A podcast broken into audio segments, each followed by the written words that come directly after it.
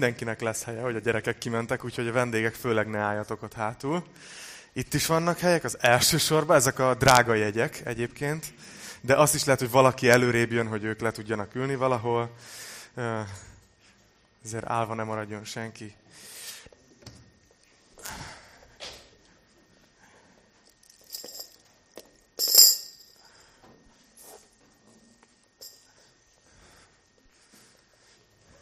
Jocom, jocom.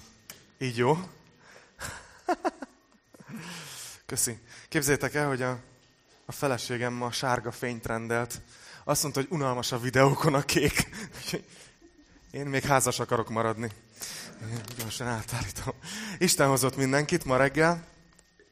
Köszönjük a dicsőítést. Mindig, mindig jó dolog, mindig jó dolog megállni Isten jelenlétében, nem? E, nem tudom, hogy ti hogy vagytok vele. Néha úgy van, hogy nem az első dalnál így próbáljuk felfogni, hogy mi van, és hogy mennek a dalok, így egyre jobban így, így besüpped, így megérkezünk így, így lélekben, hogy, hogy mit is csinálunk, amikor, amikor a mindenható Istennek éneklünk dalokat. Ilyen, ilyen furcsának tűnik ez, hogy néha belegondolok, hogy milyen fura lehet ez kívülállóként, nem? Hogy, hogy emberek egy teremben összejönnek, és, és becsukott szemmel énekelnek, billegnek, néhányan fölteszik a kezüket, meg könnyeznek. De hogy azért, mert itt történik egy, egy természet feletti dolog, hogy, hogy mi halandó emberek, akik porból lettünk, porrá leszünk, kapcsolatba kerülünk Istennel. Óriási dolog. Úgyhogy remélem, hogy átéltétek ezt ma.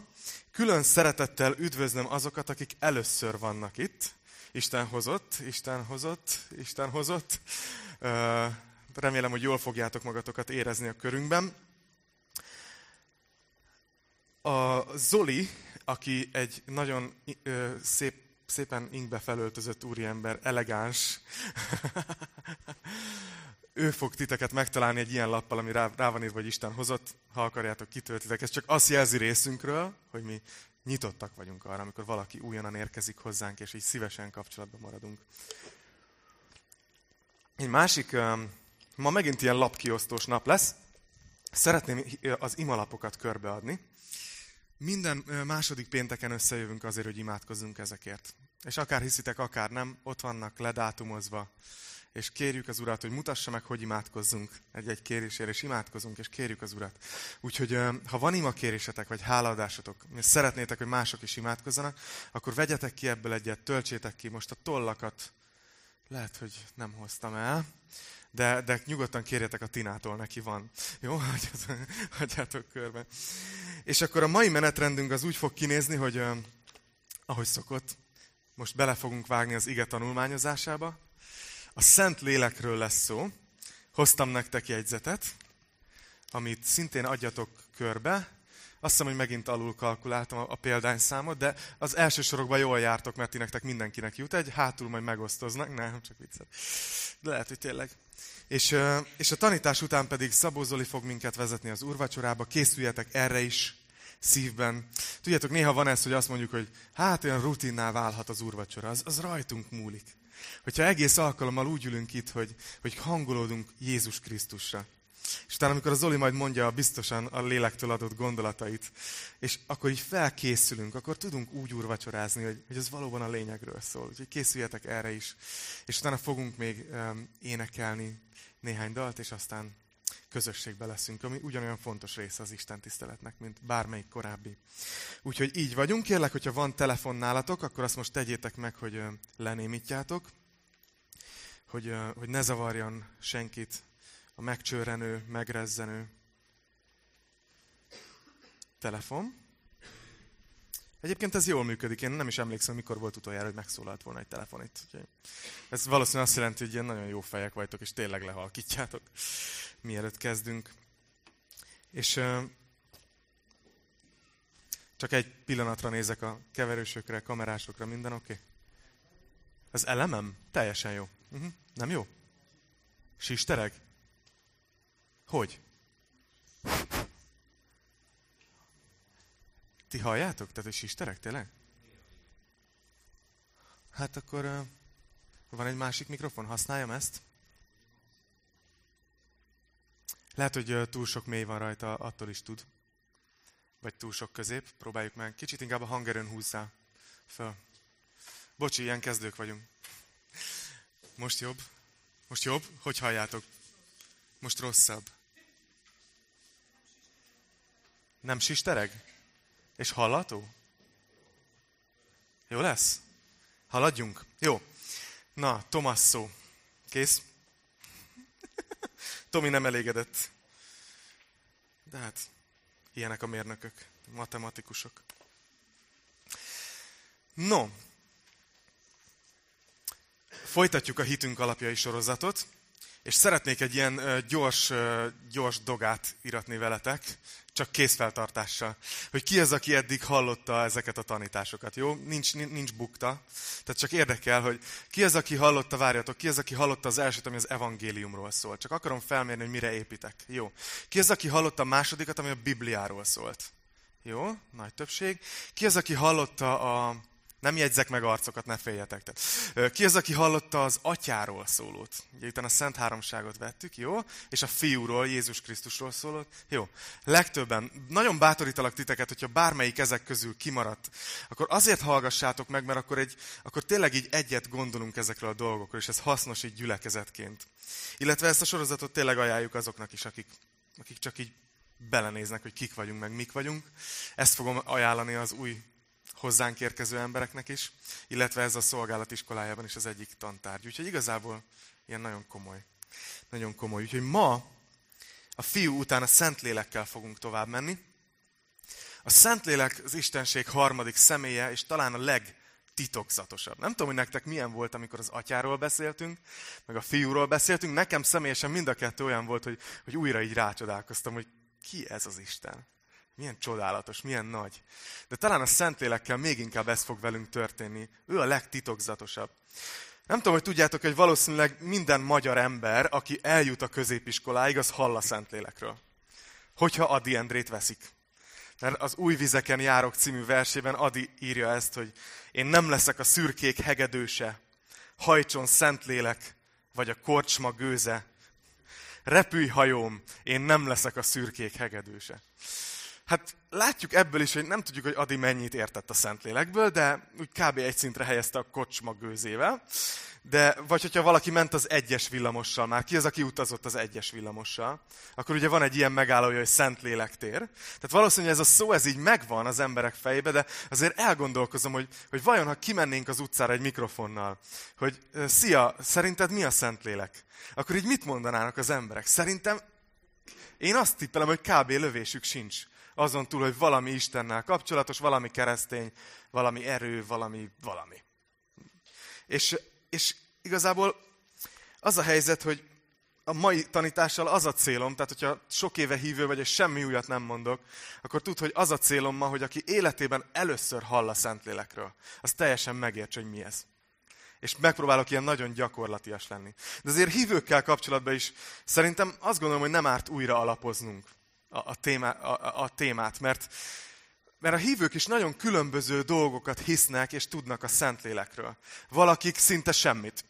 Valakik valami megfoghatatlan fogalomként beszélnek róla, aki elvileg bennünk van, mert hát ez van a Bibliában, de úgy, úgy nagyon nem tapasztalnak semmi különösebbet emiatt, hogy van Szentlélek. És ezt nem kárhoztatásként mondom, csak tényként, hogy így néz ki a mai kereszténység.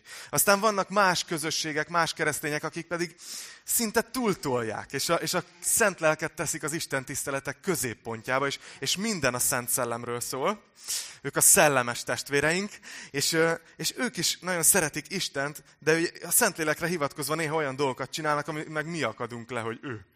Kicsit furcsa, igaz? Úgyhogy szeretném a mai tanítással így egy kicsit ilyen megnézni, hogy mi van az igébe, a Szentlélekről megpróbálunk egy egészséges alapra kerülni, úgyhogy nem, nem elítélve a többieket, jó? Akik másként gondolkoznak erről.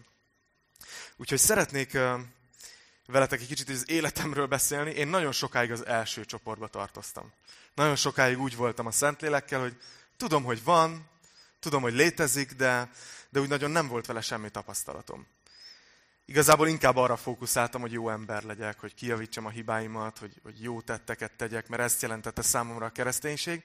Aztán egyszer csak azt gondoltam, hogy amikor majd bemerítkezek, akkor majd utána a Szentlélek ilyen, ilyen Dolby Surroundba fog hozzám szólni, mint az abcselben, hogy így akármerre megyek, így hallom. Tudod, mint hogy a Terminátor látja kiírva a szemüvegén, hogy mit kell csinálni. Valahogy így, hogy az abcselbe, ahogy hallották, hogy ide küldte, oda küldte, hopp, itt egy feltámadás, hopp, ott egy ébredés, egy gyűli elindul. Tehát valahogy így gondoltam.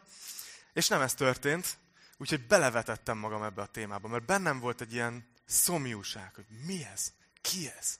Én akarom tudni, hogy, hogy mi a Szentlélek, ki a Szentlélek, hogy tudok vele kapcsolatba kerülni, és mindenféle könyveket elolvastam, ébredésekről, a Bibliát végignyaltam, az Abcsellet tényleg a kedvenc könyvem, és így nagyon sokat foglalkoztam a Szentlélekkel, valószínűleg, hogy többet, mint Jézussal. Úgyhogy, úgyhogy aztán egy, egy idő után így visszaterelődtem így szerintem a, az arany középútra, és majd látjátok, hogy miért mondom ezt, hogy, hogy mi az arany középút. Úgyhogy ma róla fogunk beszélni, jó? Ki az, akit érdekel ez a téma? Annyira jó egy olyan csapatnak beszélni, akik érdeklődők. Úgyhogy imádkozzunk együtt, jó?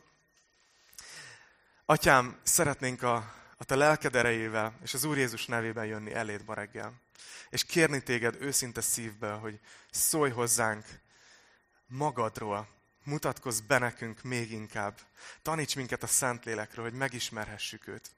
Hogy tudjuk, hogy kicsoda, és hogy tudjuk, hogy mit szeretne végezni az életünkben. A te nevedben imádkozunk. Jézus. Amen.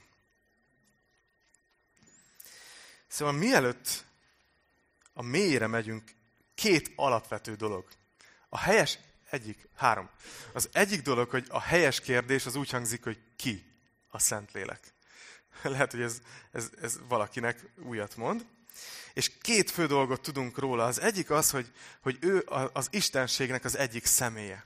Néha mondjuk, hogy a harmadik, de igazából semmi nem indokolja, hogy, hogy beosztályozzuk, hogy hanyadik, de ő az egyik az Istenség három személye közül. Ugye, hogyha ha nem hallottátok az atyáról szóló tanítást, ott az elején beszéltem a Szent Háromságról, hogy mi ez, miért fontos, hogy a Bibliában azt tanítja, hogy Isten három, és mégis egy. Három személyben létezik, de egy Isten van. És a Szentlélek ezek közül egyik. Ez egy nagyon fontos dolog, hogy a Szentlélek ugyanúgy Isten, mint az Atya, és ugyanúgy Isten, mint a fiú. Nem valami alacsonyabb rendű isteni valamiről van szó. Ő ugyanúgy egy isteni személy, mint az atya, és mint a fiú. És az a Bibliában, ha majd a lapotokat nézitek, vannak kigyűjtve erre versek, nézzétek meg otthon nyugodtan. A Biblia beszél arról, hogy a Szentlélek örökkévaló, hogy a Szentlélek mindenható, hogy minden tudó, hogy mindenütt jelen van. Ezek isteni tulajdonságok. A Szentlélek Isten. A második nagyon fontos dolog, hogy ugyanúgy egy különálló személy, mint az atya és a fiú.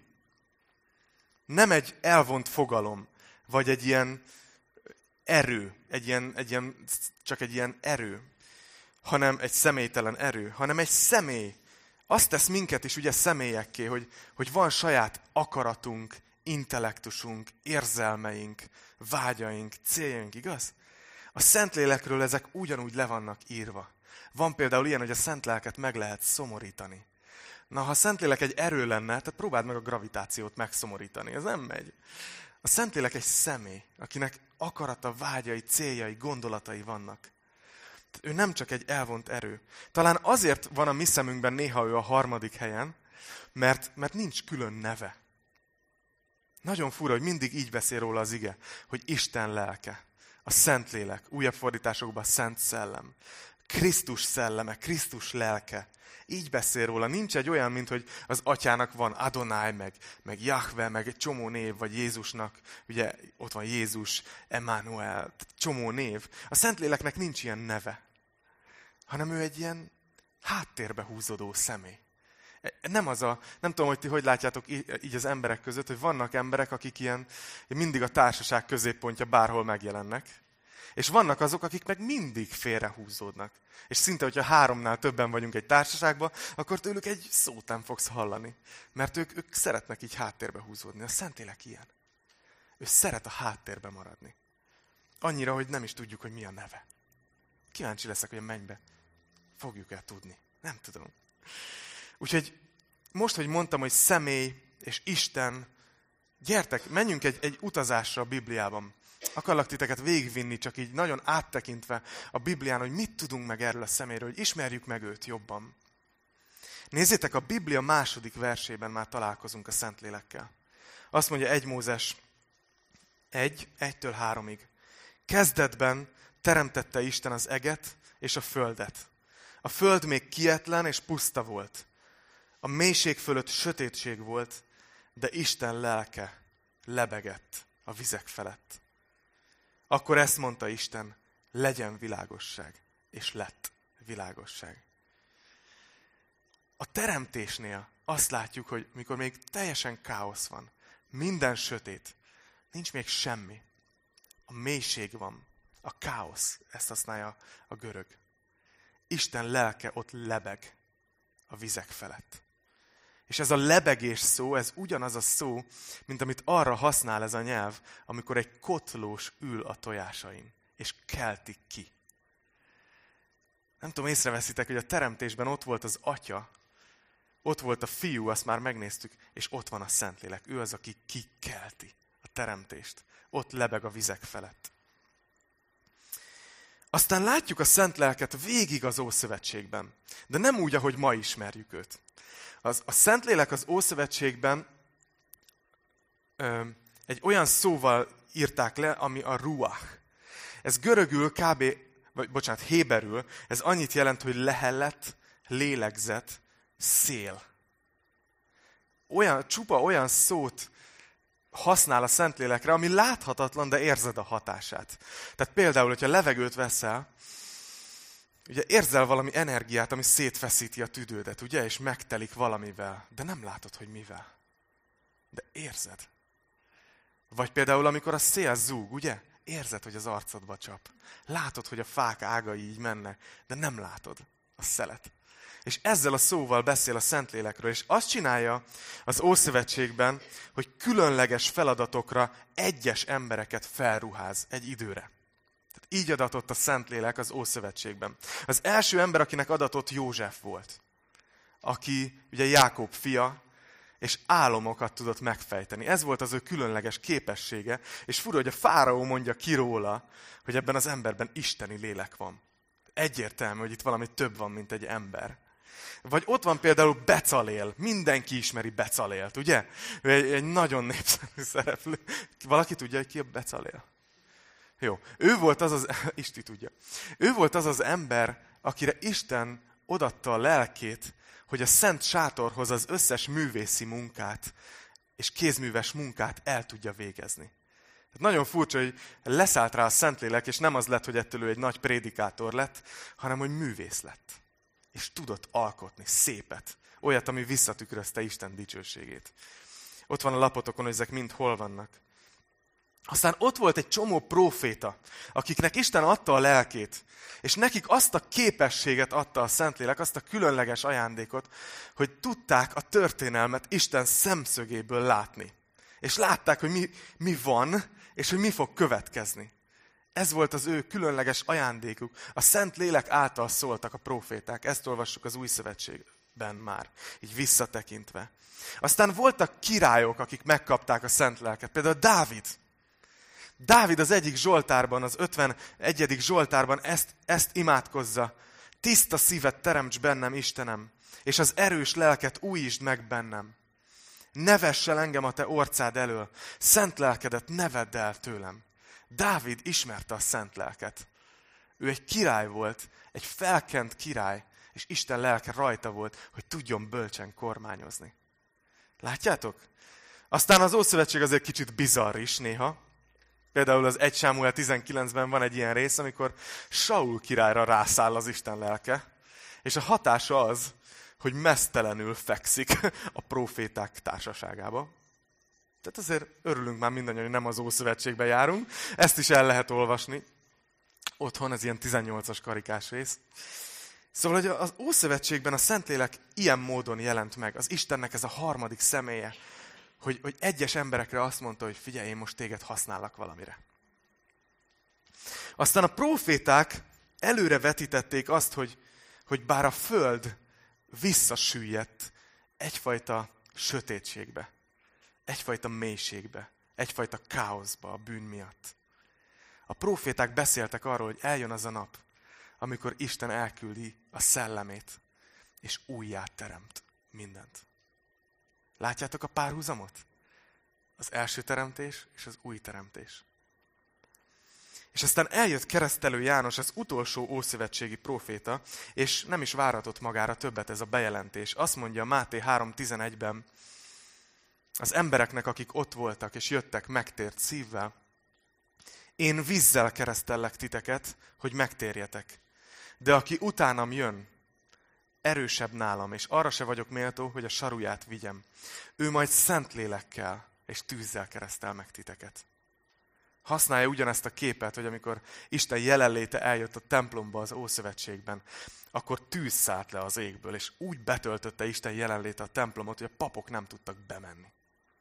És azt mondja, hogy amikor Jézus eljön, a mesiás eljön, akkor a Szentlélek kell és tűzzel megkeresztelt titeket. Így mondja az embereknek. Figyelitek, itt már nem profétákhoz beszél, nem királyokhoz, hanem akik csak ott álltak a Jordán partján, és hittek, és akartak Istenhez közelebb kerülni. És ezzel a proféciával elindul valami, ami, ami egyszerűen gyönyörű, és ami a mai napig itt, ebben a teremben is ránk hatással van. Mert itt elkezdődik az, hogy, hogy véget ér az Ószövetség, ahol a Szentlélek csak egyeseket töltött be. Az, hogy János profécia János proféciája beteljesedik, az azt fogja jelenteni, hogy a Szentlélek be fog tölteni átlag embereket. Amilyenek mi vagyunk. Óriási dolog. És amikor Jézus eljött Jánoshoz bemerítkezni, Máté 3-ban ezt olvassuk, 16.-17. versben, amikor pedig Jézus megkeresztelkedett, azonnal kijött a vízből, és íme megnyílt az ég, és látta, hogy Isten lelke, mint egy galamb, aláereszkedik, és ő rászáll. És íme egy hang hallatszott a mennyből, ez az én szeretett fiam, akiben gyönyörködöm. És azt látjuk utána, miután Jézussal ez megtörténik, hogy a Szent Lélek, Isten lelke egy galamb formájában rászáll a bemerítkezése után. Azt látjuk, hogy elkezdi a szolgálatát. És nem csak úgy szolgál, hogy ahogy sikerül, hanem a lélek erejével. Olyan dolgokat tesz, amit, amit nem tettek meg emberek. Halottakat támasztott fel, betegeket gyógyított meg, szabaddá tett belső és külső megkötözöttségekből embereket, és a lélek erejével szolgál. Később látni fogjuk, hogy ez hogy valósul meg a mi életünkben, de, de erről szól a következő vers. Amikor Jézus a szolgálata elején egyszer ott volt egy ünnepen, szolgálata közepén, ott volt egy ünnepen. Ez egy olyan ünnep volt, amikor napokig nem ittak semmit az emberek. És arra emlékeztek, hogy a pusztában milyen szárazság volt, és hogy nem volt mit inni. És ezen a nagy ünnepnek az utolsó napján ezt olvassuk. János 7.37. Az ünnep utolsó nagy napján felállt Jézus, és így kiáltott. Nem tudom, el tudjátok el őt képzelni, hogy nem így oda súgta Jánosnak, hanem elkezdett kiabálni. Azt mondja, hogy ha valaki szomjazik, mindannyian szomjaztak. Ha valaki szomjazik, jöjjön hozzám, és igyék. Aki hisz én bennem, ahogy az írás mondta, annak belsejéből élő víz folyamai ömlenek. És János hozzáteszi, ezt pedig a lélekről mondta, amit a benne hívők fognak kapni, mert még nem adatott a lélek, mivel Jézus még nem dicsőült meg. Látjátok, hogy Jézus itt van a földön, rászáll a Szentlélek, és utána azt mondja ezen az ünnepen, hogy, hogy aki szomjazik, jöjjön hozzám, és aki bennem hisz, annak az élővíz folyamai fognak ömleni a belsejéből. Mondja ezt egy olyan ünnepen, ahol mindenki ki van tikkadva. És megígéri, hogy aki benne hisz, abból ki fog áradni a Szentlélek arról beszél, hogy akik benne hisznek, azok annyira tele lesznek a Szentlélekkel, ezzel az isteni személlyel valahogy, hogy elérik a környezetüket. Hogy nem áll meg bennük, hanem kiárad a környezetükre. És az, hogy mennyire fontos téma volt ez Jézus számára, a Szentléleknek a munkája, az abból is látszik, hogy néhány órával a halála előtt. Szerintetek miről beszél a tanítványokkal? Szerintetek miről beszél? A kereszt előtt. Alig, alig rövid idővel. János 16, 7. verstől. Én az igazságot mondom nektek, jobb nektek, ha én elmegyek. Mert ha nem megyek el, a pártfogó nem jön el hozzátok. Itt pártfogónak nevezi a szent lelket. Ha pedig elmegyek, elküldöm őt hozzátok. És amikor eljön, leleplezi a világ előtt, hogy mi a bűn, mi az igazság, és mi az ítélet. 12. verstől így folytatja. Még sok mindent kellene mondanom nektek, de most nem tudjátok elviselni. Amikor azonban eljön ő, az igazság lelke, elvezet titeket a teljes igazságra. Mert nem önmagától szól, hanem azokat mondja, amiket hall, és az eljövendő dolgokat is kijelenti nektek. Ő engem fog dicsőíteni. mert az enyémből merít, és azt jelenti ki nektek. Mindaz, ami az atyáé, az enyém. Ezért mondtam, hogy az enyémből merít, és azt jelenti ki nektek. Látjátok, Jézus itt azt tanítja, hogy amit ő elkezdett a földön, az ő szolgálatát, annak jobb, ha vége van. Jobb, ha ő elmegy. Mert ennek az lesz a következménye, hogy el fog jönni a Szentlélek. Itt az igazság lelkének nevezi. És azt mondja, hogy folytatni fogja a munkát a tanítványokon keresztül. Hogy ő lesz a pártfogójuk. Hogy elvezeti őket a teljes igazságra. Kijelenti nekik a jövendő dolgokat. És, és nagyon fontos, hogy látjátok, itt Jézus maga mondja, hogy figyeljetek, a lélek, fel fogjátok ismerni, ő engem fog dicsőíteni. És ez egy óriási tanulság a Szentlélekről, hogy ő mindig Jézusra tereli a figyelmet. Ő soha nem akarja magának a figyelmet. És szerintem itt csúszik el az életünk, amikor azt gondoljuk, hogy, hogy, hogy mindennek, mindennek a Szentlélekről kell szólnia. Nem. A Szentlélek egy dolgot akar az életünkbe, és minden ember életébe, Jézusra irányítani a figyelmünket. Ő soha nem fogja azt mondani, hogy imádjatok engem. Ő azt fogja mondani, hogy imádjátok Jézust. Pedig Isten. De ez a szolgálata. És nézzétek, miután Jézus ezt tanítja a tanítványoknak, és erről beszél velük, elmegy a keresztre. Aztán harmadik nap feltámad. És 40 nap után, követitek? Eltelt 40 nap. És most ott van Jézus, hogy kész visszamenni az atyához. Csak még egyszer utoljára beszélnie kell a tanítványaival. Szerintetek miről? Nézzétek, egy ígéretet tesz. Abcsel 1, 4-től 9-ig. Amikor együtt volt velük, megparancsolta nekik. Ne távozzatok el Jeruzsálemből, hanem várjátok meg az atya ígéretét, amelyről hallottatok tőlem. Hogy János vízzel keresztelti, pedig nem sokára Szentlélekkel kereszteltettek meg. Amikor együtt voltak, megkérdezték tőle, Uram, nem ez időben állított helyre az Izrael országát? Ugye a tanítványok nem annyira a szent lelken jár az agyuk, hanem azon jár, hogy akkor most, most értjük, hogy meghaltál, jó, hogy feltámadtál, akkor, akkor végre most már átveszed az uralmat a rómaiak fölött. És ezt mondja nekik Jézus, hogy így válaszolt nekik, nem a ti dolgotok, hogy olyan időkről és alkalmakról tudjatok, amelyeket az Atya a maga hatalmába helyezett. Ellenben. Ellenben erőt kaptok, amikor eljön hozzátok a Szentlélek és tanúim lesztek Jeruzsálemben, egész Júdeában, Samáriában, sőt a föld végső határáig. És miután ezeket mondta, a szemük láttára felemeltetett, és felhőt akarta előtt a szemük elől. És a történet valóban így folytatódik, ahogy Jézus megígéri. Eltelik még néhány nap, ők együtt vannak és félnek. és nem tudják, hogy most mi lesz. De gondolom, hogy így emlékeznek Jézus ígéretére. De Jézus nagyon komolyan gondolta ezt az ígéretet, amikor azt mondta, hogy, hogy ti most ne foglalkozzatok ezzel, hogy Izrael mi lesz. Ti most erre figyeljetek, hogy erőt kaptok, amikor eljön a Szentlélek, és a tanúim lesztek. Jézus nagyon komolyan gondolja, hogy ezeket az egyszerű embereket, ezeket az átlag embereket fogja használni arra, hogy elérje az egész világot. És ezért küldi a szent lelket. És ez az első jele, hogy a Szentlélek valakin ott van hogy tanú lesz, hogy Jézusról tanúskodik. Ez történt a tanítványokkal, hogy valóban ez történt, hogy nekiálltak és hirdették az evangéliumot. Ezek az egyszerű, félős fiúk, akik tényleg meg voltak rettenve a kereszt után, egyszer csak elkezdenek beszélni Jézusról, és, és ezrek térnek meg. Nézzétek, azt hirdetik, hogy Isten szeret azt hirdetik, hogy az ember bűnös. Céltévesztett, mert elmondják az embereknek, hogy ti megöltétek Jézust. A ti bűnös kezetekkel. De Isten feltámasztotta őt. És most hív mindenkit, hogy aki hisz benne, annak örök élete legyen. És ti is megkapjátok a Szentlélek ajándékát. Látjátok, mintha ez történne, hogy van itt egy ilyen kibontakozó új teremtés. Most nem úgy van, mint az első teremtésnél, hogy Isten lelke lebegett az egész föld felett, és bum, egy szóra teremtés hanem Isten lelke ma is lebeg az egész föld felett. És egy emberenként, nem tudom, láttatok-e olyan filmet, ahol van ilyen animáció, hogy fölvillan egy fény, aztán fölvillan még több fény mellettük, hogy megnézik, hogy mi az, és akkor még több fény. És hirtelen az egész városba felkapcsolódnak a lámpák. És valahogy így történik az új teremtés, hogy szívről szívre halad a lélek. És amikor te megtérsz, akkor ott van a lélek. És aztán tanul leszel, mert ott van a lélek. És bizonyságot teszel, és valaki másban is megtörténik az újjászületés. És szívről szívre haladva Isten újjáteremti az emberiséget, és amikor kész, akkor azt mondja, hogy a földet is újjáteremtem.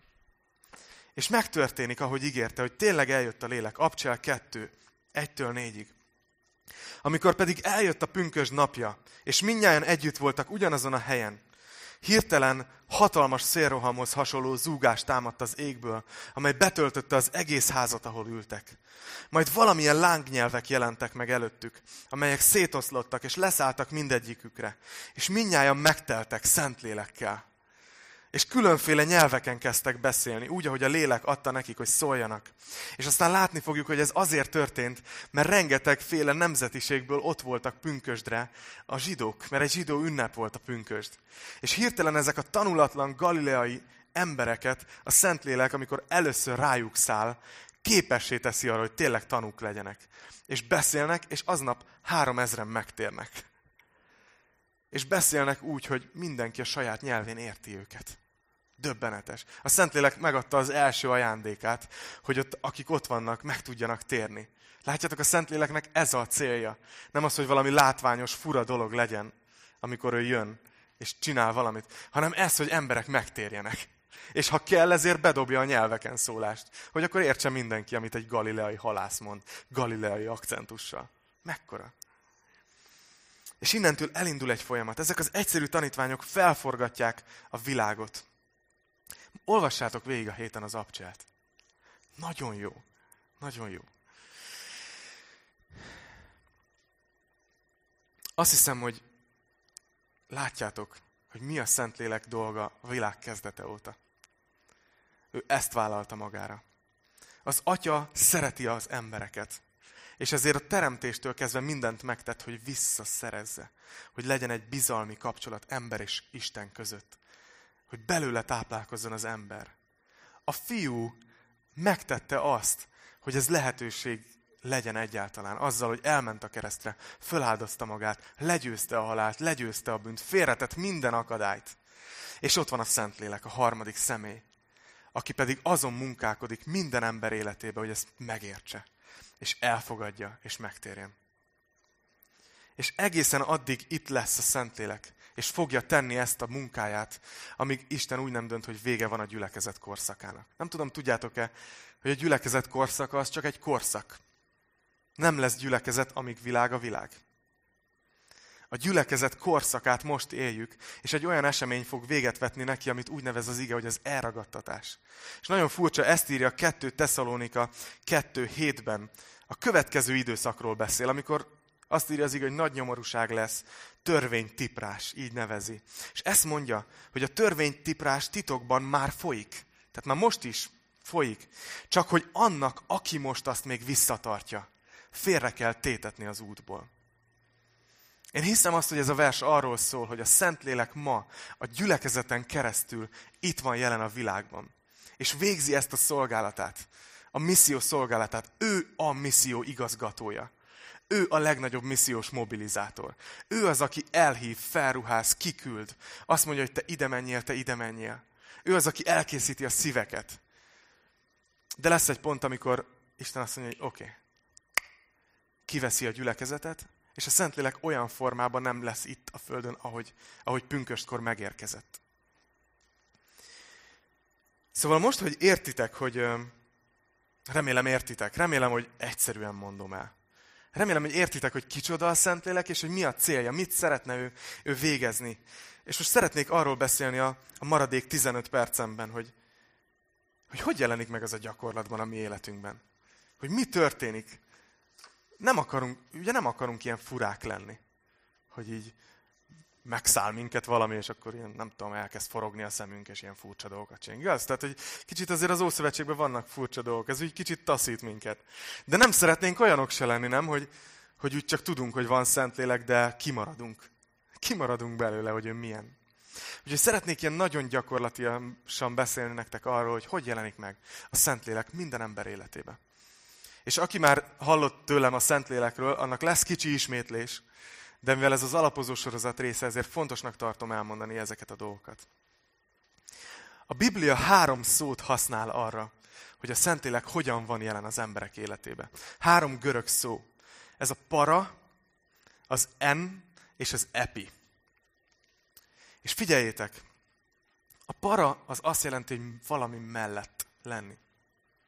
A Biblia tanítja azt, ott vannak az igeversek a papírjaitokon, hogy a Szentlélek ma a világban azt csinálja, hogy ott van minden egyes ember mellett. És ahogy Jézus mondta, hogy leleplezi a világ előtt, hogy mi a bűn, mi a céltévesztés, ugye, hogy az emberek nem élnek Istennel. Leleplezi, hogy mi az igazság, ugye? És leleplezi, hogy lesz ítélet. Minden egyes ember szíve mellett ott van, és dolgozik rajta, győzi meg, próbálja meggyőzni, hogy ismert fel, hogy céltévesztett vagy. Lásd meg, hogy Isten szeret téged, lásd meg, hogy Krisztus érted halt meg, és mert meghozni azt a döntést, hogy Jézust követed, és, és beléveted a hitedet, mert abban a pillanatban újjászületsz, és örök életed lesz. És ott van, ahogy énekeltük, ott van ma is a Szentlélek az emberek életének a káosza felett. A mi életünk káosza felett is ott volt. És próbál kikelteni minket, új életre kelteni romokból életet. Fakaszt dicsőséged. Kiemelsz a mélységből. Ezért áldlak téged. Igaz, ezt énekeltük. Ezt csinálja a lélek. A romokból életet fakaszt. És az a helyzet, hogy miközben a Szentlélek így ott van minden ember mellett, a Szentlélek nincs benne minden emberben. Nem lakik minden emberben. Érdekes, a római levél ezt mondja, Róma 8.9-ben, hogy akiben nincs Krisztus lelke, akiben nincs Krisztus lelke, az nem az övé. Látjátok, hogy, hogy a Szentlélek jelzi, hogy mi Istené vagyunk. Egy kicsit be, szeretnék beszélni, remélem, hogy így egyértelmű lesz, az ember felépítéséről. Erről még szerintem nem beszéltem soha. Hogy az ember egy, egy, olyan, mint egy ógre. Réteges. Ez megvan valakinek? Az ember úgy épül fel, hogy leginkább van egy külső részünk, amit mindenki lát, ugye? Egy test. Hát kinek milyen? Az enyém milyen. Igyekeztem azért eltakarni ruhával ma reggel. Van a teste az embernek, ez a legkülső rész. Aztán van egy olyan rész, amit úgy hív az ige, hogy lélek. A lélek az, amit igazából úgy hívunk, hogy, hogy én ez a mi tudatunk, érzelmünk, akaratunk. És ezek azok, amik miatt igazából emberek vagyunk. Ez az, ami minket megkülönböztet, akár az állatvilágtól. Van lelkünk, van én központunk, van tudatunk. És ez minden embernek van, igaz? De van egy harmadik rész, amiről kevesebbet beszélünk, hogy az ember úgy lett megteremtve, hogy van szelleme. És ami történt ezzel a legbelső résszel, a szellemünkkel, nem a Szent Szellemről beszélek, hanem a mi szellemünkről. Az történt, hogy amikor az ember bűnbe esett, akkor ez a rész meghalt. Meghalt, mert lecsatolódott Istenről. Többé nem volt kapcsolat ember és Isten között. És ezért rengetegen úgy éltünk, és ma is sokan úgy élnek a világban, hogy igen, életben van a testük, igen, életben van a lelkük, nagyon is. Vannak érzelmeik, erős érzelmeik, vannak vágyaik, céljaik, tehát azt mondanánk emberileg, hogy élnek, élik az életet, de a szellemük halott. Azt mondja az Efézus levél viszont, hogy akik ti, akik halottak voltatok, a bűneitek és vétketek miatt. Isten új életre keltett titeket. Az történik, hogy abban a pillanatban, amikor az ember megtér, akkor ez a szellem, ami bennünk van, a mi szellemünk, ez megelevenedik. És ez az a részünk, amivel tudunk kapcsolódni az Istenhez. És érdekes, hogy azt mondja az ige, hogy, hogy igazából aki csak lelki ember, ugye szoktuk ezt a kifejezést használni, hogy lelki. És a magyarban fura ez a lélek meg a szellem szó, de azt mondja, aki lelki ember csak, tehát aki nem szellemi, az nem is értheti meg az Isten szellemének a dolgait, mert azokat csak szellemi módon lehet megérteni. A Károli fordítás az próbálta ezt ki, ki okoskodni, mert ugye a szellem akkoriban egész mást jelentett, és ezért a, a lélek szót használta a szent szellemre, és mi is így beszélünk róla, hogy szent lélek. Ezért úgy fogalmazta, hogy a lelkes ember, tehát akinek csak a lelke van meg. A, azt hiszem, hogy a, a, a Ruf amit én olvasok föl, az úgy fordítja, hogy az érzéki ember.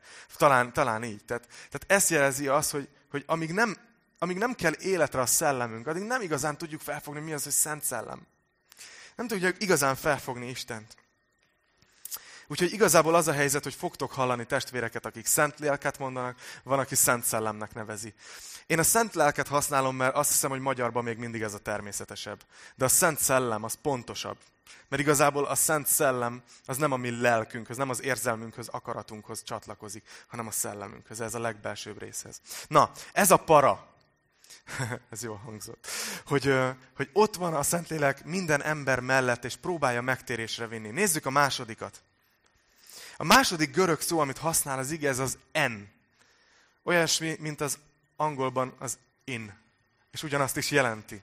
Ez azt jelenti, hogy amikor a Szentlélek nem csak ott van valaki mellett, és győzi meg Isten szeretetéről, hanem amikor beleköltözik az életébe. Tehát belül van.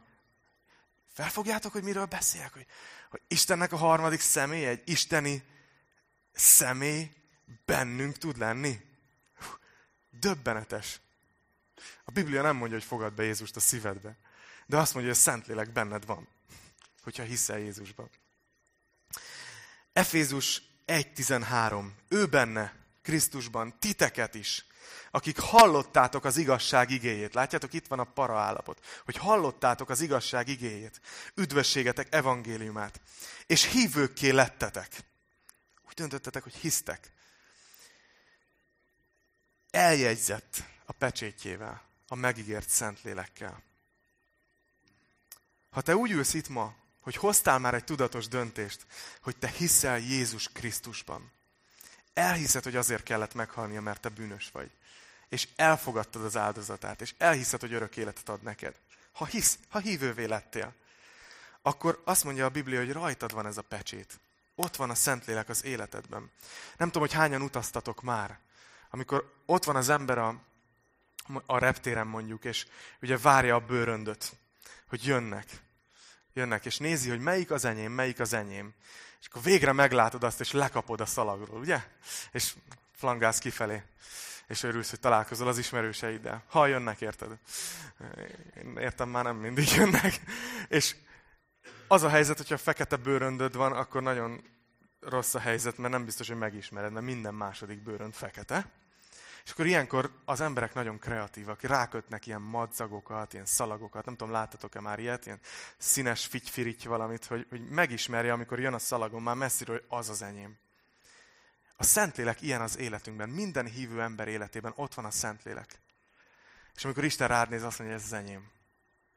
Akiben Krisztus lelke van, az az övé. Hozzá tartozunk, az ő tulajdona vagyunk. És az az érdekes, hogy ez az állapota a Szentléleknek, ez attól függetlenül igaz, hogy érzed-e vagy nem. Lehet, hogy semmit nem érzel belőle. De ha hiszel, akkor biztos lehetsz benne, hogy a Szentlélek ott van az életedben. Ott van ez a pecsét. És a, ettől az is igaz, amit az 1 Korintus 3.16 ír, hogy nem tudjátok, hogy ti Isten temploma vagytok, és az Isten lelke bennetek lakik. A mi testünk a Szentlélek temploma. Ez azt jelenti, hogy Istennek ez a harmadik személye nem csak bennünk van, hanem imádkozik értünk folyamatosan. És azt csinálja, hogy elkezdi megteremni az ő gyümölcseit, amiről a Galata levél 5. részében olvasunk. Szeretet, öröm, békesség, türelem, szívesség, jóság, hűség. Ezeket sorolja fel Pálapostól a lélek gyümölcseként.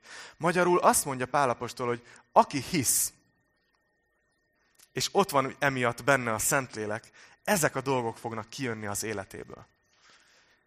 Tud szeretni. Öröm, öröm van az életében. Békesség van az életében. Türelem mások felé. Szívesség. Jóság, hűség. Azt mondja, ezek gyümölcsök. A gyümölcsfák nem úgy teremnek, hogy kimész, és akkor hallod a megyfát, hogy kipattantottam egy meggyet, teremtem egy gyümölcsöt, hanem ahogy, ahogy öntözi, öntözöd a fát, ahogy kapja a napfényt, termi a gyümölcsöt, és, és így van a Szentlélek gyümölcse. Hogyha ott van az életedben, akkor ezek meg fognak teremni. Na és itt van, ja, szelítséget és az önmegtartóztatást nem olvastam fel, de azok is oda tartoznak. És akkor itt van a harmadik dolog, és ez az utolsó, amiről szeretnék beszélni, mert azt gondolom, hogy ez az epi, amikor a Szentlélek valakire rászáll. Ez az, amit még azt is el tudom képzelni, hogy itt is van, aki nem tapasztalt meg. És semmi baj nincs. Azért van ez a tanítás. De ez az, ami a tanítványokkal pünköstkor megtörtént. Ez az, ami utána folyamatosan újra és újra megtörténik ugyanazokkal a tanítványokkal. Hogy Isten lelke nem csak mellettük volt, Isten lelke nem csak bennük volt, hanem Isten lelke betöltötte őket, és rájuk szállt. És ez az, amit Jézus megígért, hogy amikor rátok száll a Szentlélek, akkor erőt kaptok, és a tanúim lesztek. Ez az az élő víz, amiről Jézus beszélt, emlékeztek? Hogy majd ki fog folyni, és eléri a környezetet. És az a helyzet, hogy ez a dolog, ez néha el van facsarva a kereszténységben. Vannak gyülekezetek, akik ezt a Szentlélekkel való betöltekezést látványosságra használják. Vagy arra, hogy legyen egy nagy só. Hogy nézzétek meg, hogy közöttünk tényleg az Isten munkálkodik. És azt hiszem, hogy a Szentlélekkel való betöltekezés az nem erre van. Nem arra, hogy nekem legyen egy élményem. Hogy pú, most úgy éreztem az Úr jelenlétét, hogy hú, de jó volt ez az Isten tisztelet. Amikor az az akkord fölhangzott, hú, betöltött a lélek. Nem erről szól. A Szentlélekkel való betöltekezés nem látványosság, és nem is a hívőség bizonyítéka. Ez nagyon fontos. Mert vannak gyülekezetek, ahol azt fogják tanítani nektek, ha meghallgatjátok őket, hogy ha nem szóltál nyelveken, ha nincs ilyen meg olyan ajándékod, akkor te nem tértél meg. És ez nem igaz. A szent lélekkel való betöltekezés egy dologra van az életünkbe. Arra, hogy Jézus tanúi legyünk. Hogy a szolgálatot, a missziót hatékonyan tudjuk végezni. És ehhez ad ajándékokat. És ez nem feltétlenül furcsa dolog. Sógornőm mesélte a héten, hogy volt egy ilyen helyzetben, hogy, hogy kollégája kérdezett valami nehéz kérdést, és egyáltalán nem tudta a választ. És aztán egyszer csak tudta a választ. És elkezdett beszélni, és megválaszolta a kérdést. Mert a Szentlélek adott egy ilyen képességet, hogy azért, hogy az a másik ember közel kerüljön Istenhez, képessé tette erre, hogy megválaszolja. Nem feltétlenül kezd el ilyenkor az ember rángatózni, vagy történik bármi fura. Egyszerűen hatékony tanul leszel. És azt hiszem, hogy ez az, amire szeretném a mai tanítást kifuttatni. Az egész tanításomban azt szerettem volna hangsúlyozni, hogy remélem, hogy fölébred bennetek egy ilyen szomjúság a Szent Lélekre, a Szent Szellemre. Erre a fajta betöltekezése, mert a Biblia azt tanítja, hogy ez egy életforma, hogy a lélekkel betöltekezve élünk. Efézus 5.18 azt mondja, hogy ne részegedjetek meg a, a borból, bortól, amelyben pusztulás van, hanem teljetek meg lélekkel. És a szó, amit itt használ, az azt mondja, hogy, hogy folyamatosan teljetek meg, újra és újra, töltekezzetek be a Szentlélekkel. És tudjátok, amikor betöltekezünk a Szentlélekkel, akkor ő ad jeleket, ad ajándékokat. A Biblia felsorol egy csomó ajándékot. Van ilyen például, hogy bölcsesség igéje.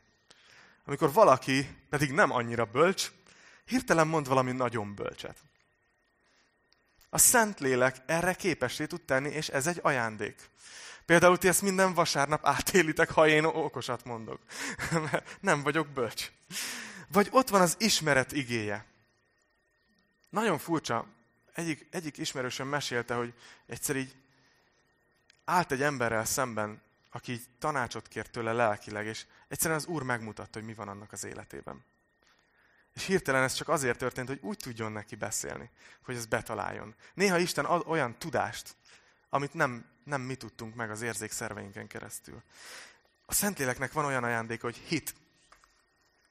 Amikor valakinek van ilyen az átlagosnál nagyobb ilyen hite. Szerintem Fodor Szilviben működik ez az ajándék. Mindig mondom neki, hogy te hitasszonya vagy. A Szentléleknek van olyan ajándéka, hogy gyógyítás. És ismerek embereket, akiknek ez az ajándékot adja a Szentlélek. És tudnak, és imádkoznak emberek, és meggyógyulnak. És ez ma működik. Szeretném, ha látnátok, hogy én egyébként egy karizmatikus embernek tartom magam, és hiszek a Szentlélekben, és szeretem a Szent Lelket, és tapasztalom a munkáját. Nem hiszem, hogy karizmániákus vagyok, de karizmatikus vagyok. Van olyan ajándék, hogy isteni erők munkái, vagy ilyen csodák.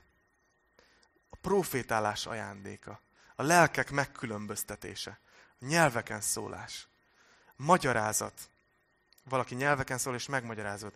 De ugyan ebben a körben említi a Szent Lélek ajándékaként a bátorítást. amikor oda tudsz valakihez menni, és tényleg olyat mondasz neki, hogy nem azt mondja, hogy de, de, de, de, klisé. Bátorítás ajándéka. Barnabás a Bibliában. Fogta Pálapostolt, aki a sikertelen damaszkuszi túrája után így visszament Tarsusba egy tíz évre. És így elment és így elment, és fölkapta magával Pálapostolt, és vitte magával a szolgálatba. Barnabás egy ilyen bátorító ember volt. De ugyanígy a Szentlélek ajándéka a vezetés. És nem lehet azt gondolni, hogy ha valaki jó vezető a világban, az jó vezető lesz Isten népe között. Mert a vezetés Isten népében az egy szellemi ajándék. Amiért én imádkozok. Ha Isten ajándéka a Szent Szellem ajándéka a tanítás. Ezért, ezért nem lehet azt csinálni, hogy én szeretnék tanítani. Ezt, hogyha Isten adja, akkor fogsz tanítani. És az a furcsa, és ezt szeretném nagyon így ilyen záró, záró gondolatként így, így a szívetekre kötni. Hogy nagyon sok ember van ma, nagyon sok keresztény van, aki rákoncentrál a lélek ajándékaira. Nyelveken szólás, gyógyítás, csodák. Hú, én azt látom, hogy a Bibliában sokkal fontosabbak a lélek gyümölcsei. Az van előbb. Mindig gyanús, hogyha valaki tud nyelveken szólni, de nem türelmes. Nem szereti a testvérét. Nincs békesség az életébe. Tud gyógyítani, de, de nem termi az, az önmegtartóztatás, az, az, az önkontroll gyümölcsét. Látjátok? Előbb a gyümölcs, utána az ajándék. Úgyhogy az az imám, hogy mi, mint gyülekezet, és bárki, aki hallgatja ezt, egyre inkább szomjazzuk Isten lelkét, de ne ilyen furi módon, hanem Isten szíve szerint, tudva azt, hogy Isten szereti az embereket, és azt akarja, ezt írja a Biblia, azt akarja, hogy minden ember üdvözüljön. És ezért Jézus meghalt, feltámadt, és kiküldte a tanítványokat. És utána meghívta őket. Meghívtál, hogy vízre lépjek és elküldte őket az egész világba. Hirdessétek az evangéliumot minden teremtménynek. Azt írja a Biblia a Szentlélekről, hogy a kegyelem lelke. Isten kegyelmezni akar az embereknek. Isten szeretné, hogyha hozzájönnének az emberek, és ezért a mai napig felruház minket mennyei erővel. Kérjük ezt. Felruház, és fogunk tudni bizonyságot tenni. És csak ez egész életünk szeretném, ha erről szólna. Lélek ad, hogy benne teljesen megbízzak. A vizen bátran veled járjak, és bárhová hívsz, menjek. Vigyél tovább, mint a lábam tudna menni. Taníts teljes hittel járni, jelenlétedben élni. Imádkozzunk.